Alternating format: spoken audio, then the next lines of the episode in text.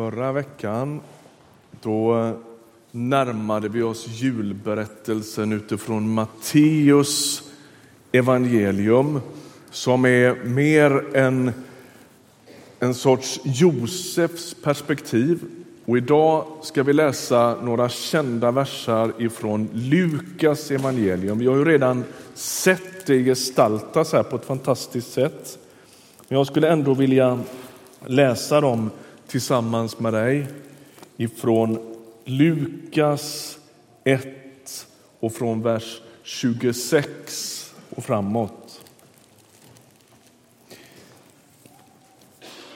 I den sjätte månaden blev ängeln Gabriel sänd från Gud till en ung flicka i staden Nasaret i Galileen. Hon hade trolovats med en man av Davids släkt som hette Josef och hennes namn var Maria. Ängeln kom in till henne och sa Var hälsad, du högt benådade, Herren är med dig. Hon blev förskräckt över hans ord och undrade vad denna hälsning skulle betyda. Då sa ängeln till henne Var inte rädd, Maria, du har funnit nåd hos Gud. Du ska bli havande och föda en son och du ska ge honom namnet Jesus.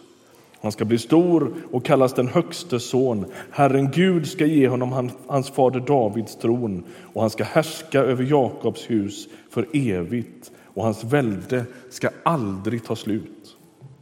Maria sa till ängeln, hur ska detta ske? Jag har ju aldrig haft någon man.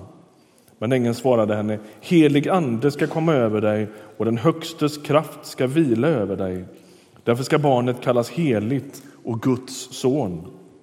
Elisabet, din släkting, väntar också en son nu på sin ålderdom.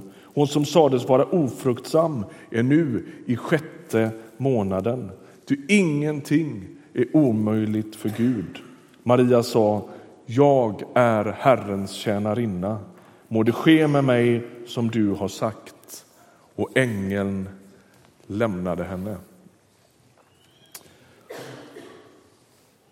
Ibland blir inte livet riktigt som man har tänkt. Känner ni igen det? Snacka om att jungfru Marias liv tog en annan vändning. Man kan fundera över vad det är hon har drömt om när hon växte upp i Nasaret. Förmodligen inte det här. Säkerligen ett ganska förutsägbart och stilla liv. Det var inte så att man reste till Egypten på en vecka på den här tiden, som vissa gör nu för tiden, utan det mesta var rätt förutsägbart. Kanske det är bestämt redan sedan hon var liten att hon ska gifta sig med Josef. Det är inte så osannolikt i den delen av världen. De planerar för giftermål. De ska ta över Josefs pappas snickarverkstad och förhoppningsvis kan de få barn. Det är liksom ungefär det som väntar, tror de.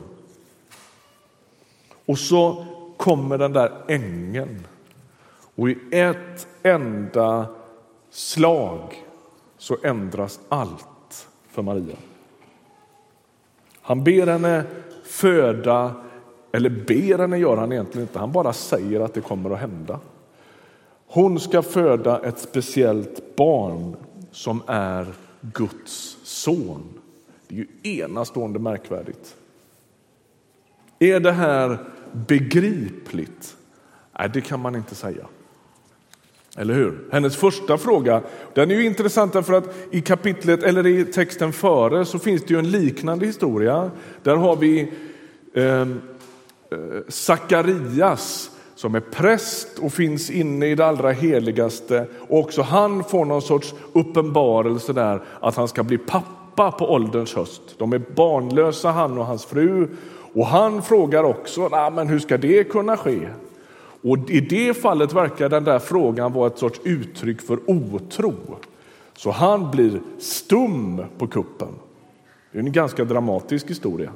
Och så får de ett en son som blir Johannes döparen. Här ställer Maria typ samma fråga, men här verkar det vara mer utifrån någon sorts nyfikenhet. Men hur ska det kunna ske? Jag har ju aldrig haft någon man. Är det begripligt? Nej, det är det inte. Det är jättemycket i den här berättelsen som är konstigt. Vad gör man när informationen är knapphändig och man önskar att man visste mer och en och annan dröm i ens liv dör? Vad gör man då? Vad gör man när livet inte blev som det var tänkt? Och hur ska man förhålla sig till det där som inte går att förklara? Gud rör sig alldeles uppenbart i Marias liv och i hennes omgivning. Men är det begripligt? Nej, det är inte det. Det går inte att förklara. Jag tänker att det man gör då, det är precis det Maria gör, nämligen överlämnar sitt liv i Guds händer. Det hon säger här, det är en viktig, viktig skola för dig och mig som har med trons innersta väsen att göra. Hon säger ske mig som du har sagt. Sedan upplysningstiden, eller egentligen för, något före det, så har vi i vår del av världen haft fullt fokus på om något är begripligt och förklarligt eller inte. Kan det förklaras? Är det vetenskapligt försvarbart? Och ibland har kyrkan behövt följa med i det. Vi behöver svara på de frågor människor har som har med tro att göra och tron håller för de frågorna. Det är inte så att vi ska sluta tänka eller sluta vara analytiska bara för att vi börjar tro på Jesus. Det behöver man inte. Du som var här förra söndagen vet att också det hänger ihop med allt annat. Du behöver inte stänga ute någon del av livet. Du får fortsätta tänka. Du ska älska Gud med ditt förstånd, står det i Bibeln. Du ska inte sluta använda det. Du ska älska Gud med det. Så va? Men Problemet blir om vi liksom har fallit i fällan att alltid få för oss att kristen tro ska begripas och räknas ut och kalkyleras och ritas på liksom någon sorts skoltavla. Så här går det ihop sig. Därför att det gör ju inte det. En rad olika skeenden i västvärlden de senaste 500 åren har bidragit till det här, tänker jag. Att vi snarare frågar efter begriplighet än helighet. Vi söker hellre greppa något än att bli gripna. Förr lär det vara så här att man byggde kyrkor på de ställen där man hade begravt en martyr. En martyr det är någon som har dött för sin tro. Och man gjorde det. Man byggde kyrkan uppe på martyrgraven för att påminna om att kristen tro djupast handlar om att överlåta sitt liv, att ge sitt liv. Det yttersta tecknet på den överlåtelsen det är ju att dö för sin tro på något sätt. Det yttersta konsekvensen. Och altaret stod då mitt i kyrkan. Alltså altaret som i överlåtelsens plats, centrum i trons liv och centrum i gudstjänsten handlade om att överlåta sitt liv i Guds händer. Sen händer det något i och med flera olika strömningar i kyrkan. Eh, reformationen, men också eh, eh, upplysningen i västvärlden och så. Vilket gör att vi flyttar undan altaret och så ställer vi predikstolen i centrum istället. Därför att det viktiga blir att förstå. Det är lite intressant. Att förmedla kunskap. Och då vet ni, jag står inte här som predikant och säger att förkunnelse och förmedlande av det är något dåligt på något sätt. Jag tror stenhårt på det. Problemet i det här fallet är inte främst vad vi gör, utan vad vi inte gör. Om gudstjänsten blir en sorts plats där vi utbyter information, då går något djupt förlorat. Varför har vi våra böneplatser i gudstjänsten här? Varför böjer människor sina knän här varje söndag? Jo, det är ett sätt att försöka arbeta med altaret. Det är här man lämnar sitt liv i Guds hand. Det är här man böjer sig inför det som man inte kan förstå. Och det är här man någonstans släpper taget och säger Gud, du är Gud och jag är inte det.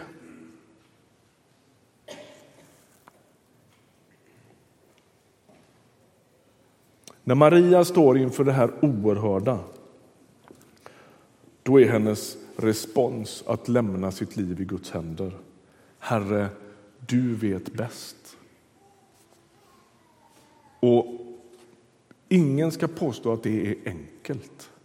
Ingen ska påstå att man gör det där lite sådär med en klackspark. Helst inte när drömmarna dör. När det där man tänkte och drömde och ville och tog nästan för givet, så här ska mitt liv bli. Och så knäcks någonting i det som gör att man behöver liksom oh, hämta andan lite. Vad tog Gud vägen i allt det här? Det är då man inte i första hand listar ut hur det ligger till, utan det är då man säger som Maria, okej, okay, Gud, jag lämnar ändå mitt liv i dina händer. Varför böjer vi våra knän ibland? Varför står det i Bibeln att man böjer sina knän? Jo, för att man böjer sig under någons vilja. Det var så här man hälsade en kung. Det var så här man hälsade någon som visste bättre, som var mer mäktig, som hade mer koll på världen. Och så böjer man sig inför majestätet, man böjer sig inför makten, man böjer sig inför tillvarons kontroll.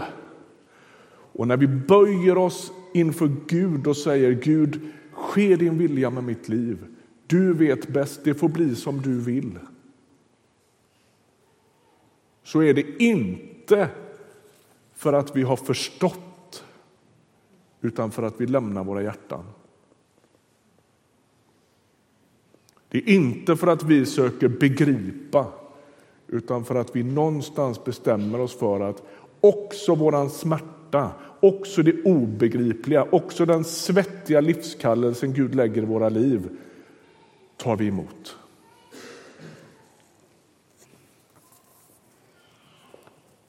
Vad gör man när drömmarna dör och inget verkar gå ihop? Jag säger inte det lättvindigt, hoppas att du hör det, du som sitter här och sliter just precis med det nu. Men jag säger det ändå. Jag säger det delvis utifrån en egen erfarenhet av att slita med hur ska jag förhålla mig till mina krackelerade drömmar. Så säger jag, man överlämnar sig. Ske med mig som du har sagt. Fortsätt håll mig i din hand. Vaka över mitt hjärta. Hjälp mig att ha ett mjukt hjärta inför dig. Jag tillber dig fast jag inte begriper. Jag tillber dig fast ekvationen inte går ihop. Jag tillber dig både när jag sörjer och när jag gläds. Både när jag jublar och har världens mest oproblematiska liv och när det är supersvårt att navigera. Jag böjer mig och säger Gud, ske din vilja med mitt liv. Behåll mig nära ditt hjärta. Ibland har vi begravningsgudstjänster här inne. Och det finns ett moment som jag tycker extra mycket om. Jag leder ofta de begravningsgudstjänsterna och det är när vi får be så här. Gud, vi lämnar den här personen i dina barmhärtiga händer. Jag blir tagen varje gång jag gör det och tänker det är precis det vi gör. Vi lämnar en person i Guds barmhärtiga händer. Och jag tänker, det där är ingen dum bön att be på sin kammare eller vid böneplatsen här. Jag lämnar mig i dina barmhärtiga händer. Jag sätter ord på mina ouppfyllda eller krossade drömmar. Jag sätter ord på min oro.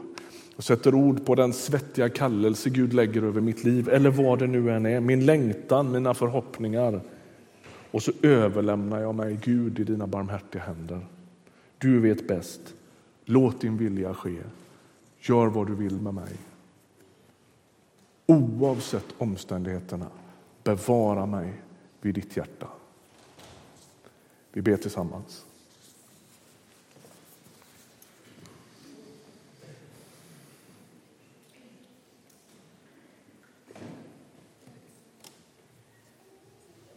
Jesus, du kommer till oss på sätt och vis på samma sätt som du kom till Maria. Du kommer på dina villkor. Du kommer i Andens kraft. Vi kan inte upptäcka dig utan Anden. Vi kan inte tro på dig utan Andens hjälp. Du föder liv genom Anden. Och så får vi ta emot dig. Vi får bära dig till den här världen. I det finns så mycket glädje, så mycket tillfredsställelse, så mycket som är spännande, så mycket som vi önskar och längtar efter att få vara med om. Och så finns där också ett mått av att lämna sina egna önskningar, överlåta sig i dina händer. Ibland till och med ett mått av svärd som går genom våran själ. Herre, vi ber, hjälp oss att förstå att du är obegränsad och att vi inte är det. Hjälp oss att förstå att du är Gud, vi är inte det. Hjälp oss att inse våra egna begränsningar och att inte överföra dem på dig. Du kan allt. Du finns överallt. Du har all makt. Du är all trösts Gud. Du är fullheten av allt det vi drömmer om, allt det vi längtar efter. Du är mättad med det vår själ begär. Bind oss vid dig. Hjälp oss att följa dig. Vi ber med Bibelns ord, låt din vilja ske med våra liv. Låt det bli med mig som du vill. Överlåter oss till dig. Vi förstår dig inte alltid, vi håller inte alltid med dig. Vi tycker du skulle tänka och göra annorlunda ibland, men vi säger ske din vilja. Gör vad du vill. Bind oss vid dig i Jesu namn. Amen.